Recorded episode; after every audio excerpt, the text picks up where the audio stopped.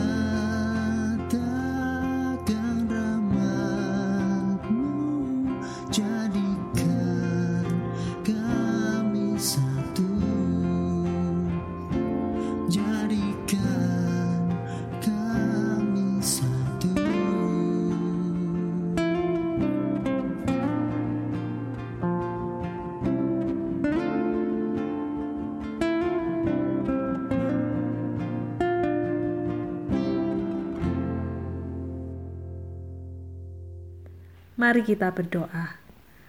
Tuhan Allah Bapa kami, merupakan sebuah kerinduan kami untuk hidup seturut kehendak-Mu. Karena itu kami membutuhkan tuntunan-Mu melalui firman Tuhan. Kami membuka hati kami untuk dituntun oleh firman-Mu. Di dalam nama Tuhan Yesus kami berdoa. Amin. Filipi 2 ayat 1 hingga 11 adalah nas bacaan kita pada hari ini saya akan membacakannya buat kita sekalian. Filipi 2 ayat 1 hingga 11, LAI memberikan judul Nasihat supaya bersatu dan merendahkan diri seperti Kristus. Jadi, karena dalam Kristus ada nasihat, ada penghiburan kasih, ada persekutuan roh, ada kasih mesra dan belas kasihan, karena itu sempurnakanlah sukacitaku dengan ini, Hendaklah kamu sehati sepikir dalam satu kasih, satu jiwa, satu tujuan, dengan tidak mencari kepentingan sendiri atau puji-pujian yang sia-sia. Sebaliknya, hendaklah dengan rendah hati yang seorang menganggap yang lain lebih utama daripada dirinya sendiri. Dan janganlah tiap-tiap orang hanya memperhatikan kepentingannya sendiri, tetapi kepentingan orang lain juga. Hendaklah kamu dalam hidupmu bersama menaruh pikiran dan perasaan yang terdapat juga dalam Kristus Yesus, yang walaupun dalam rupa Allah tidak menganggap kesetaraan dengan Allah itu sebagai milik yang harus dipertahankan, melainkan telah mengosongkan dirinya sendiri dan mengambil rupa seorang hamba dan menjadi sama dengan manusia. Dan dalam keadaan sebagai manusia ia telah merendahkan dirinya dan taat sampai mati, bahkan sampai mati di kayu salib. Itulah sebabnya Allah sangat meninggikan dia dan mengaruniakan kepadanya nama di atas segala nama, supaya di dalam nama Yesus bertukuk lutut segala yang ada di langit dan yang ada di atas bumi dan yang ada di bawah bumi, dan segala lidah mengaku Yesus Kristus adalah Tuhan bagi kemuliaan Allah Bapa. Demikianlah bacaan firman kita pada hari ini. Keluarga damai, pernahkah Anda melihat sekawanan angsa yang terbang di angkasa? Jika Anda perhatikan, mereka akan terbang dengan formasi berbentuk huruf V menyamping. Hal tersebut bukanlah suatu kebetulan atau mereka hanya iseng saja, tapi ada tujuannya. Dengan formasi tersebut, maka kepakan burung yang ada di depan akan menghasilkan kibasan angin yang membuat burung yang terbang di belakangnya terbang dengan lebih ringan karena terkena hembusan angin burung yang ada di depannya. Dan mereka akan berganti-gantian untuk berpindah posisi. Apabila yang di depan sudah lelah, dia akan mundur ke belakang dan angsa yang di belakang akan menggantikan posisi di depan. Demikian seterusnya, sehingga akhirnya rombongan angsa tersebut dapat kuat di dalam menempuh perjalanan yang jauh dan mereka bisa mencapai tujuan yang jauh dari perjalanan mereka. Keluarga damai betapa indahnya kesatuan angsa-angsa tersebut. Setiap melihat rombongan angsa tersebut yang terbang di angkasa dengan formasi itu, maka saya pun sangat terkagum-kagum.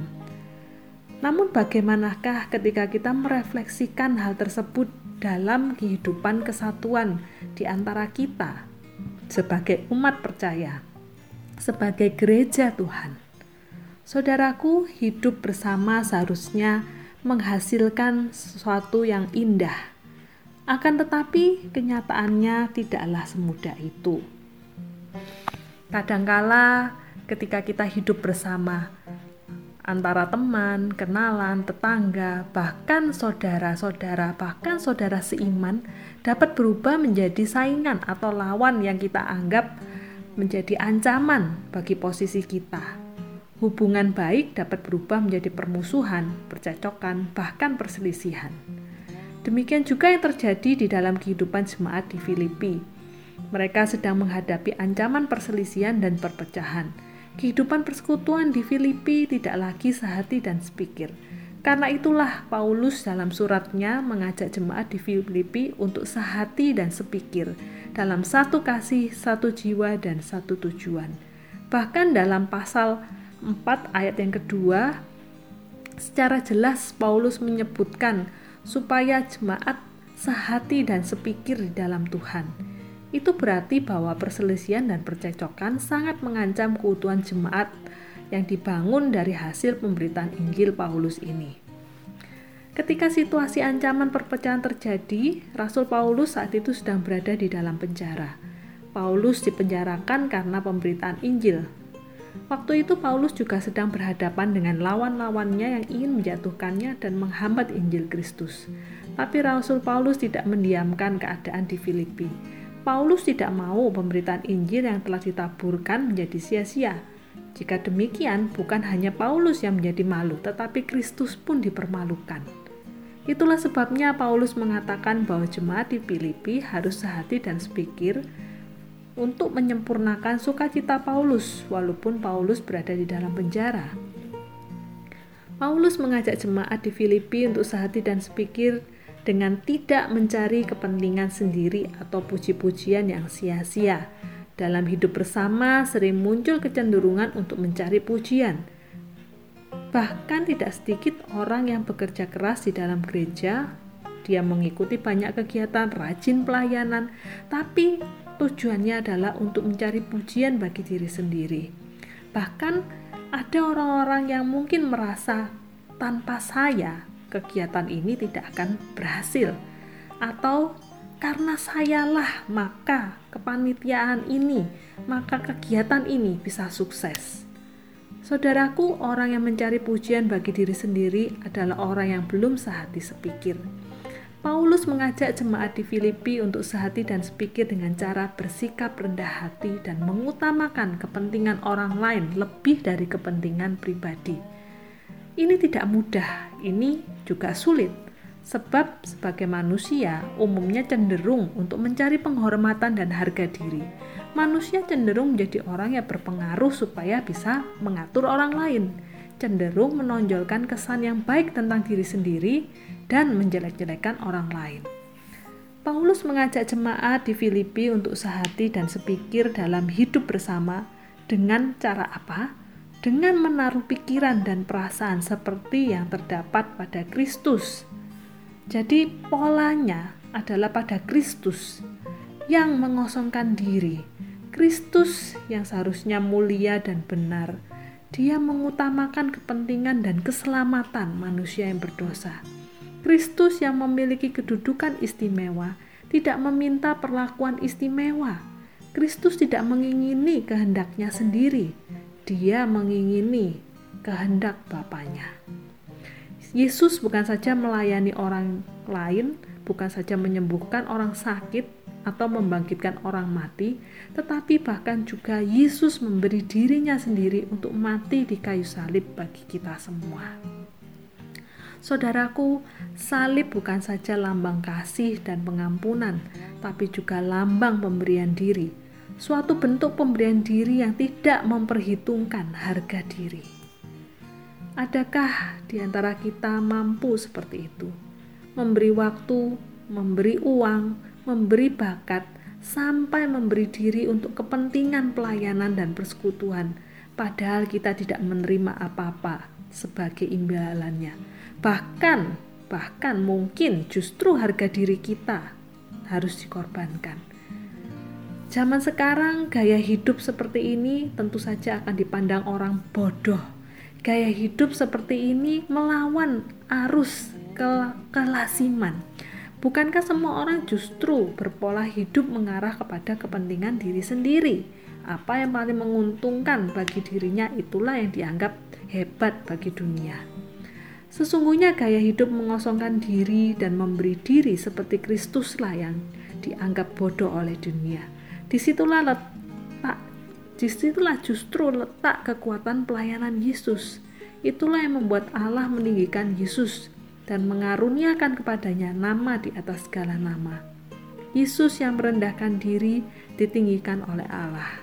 Marilah kita memuliakan Allah dalam hidup kita dengan hidup sehati, sepikir, mengosongkan diri seperti teladan Kristus bagi kita.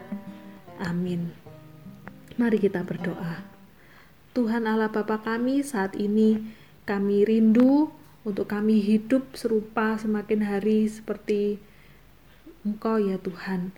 Ajarlah kami untuk menjadi orang-orang yang mau merendahkan diri kami Tuhan sehingga kami tidak hanya mencari kepentingan diri kami sendiri, tapi kami sungguh boleh memuliakan Tuhan di dalam kehidupan kami.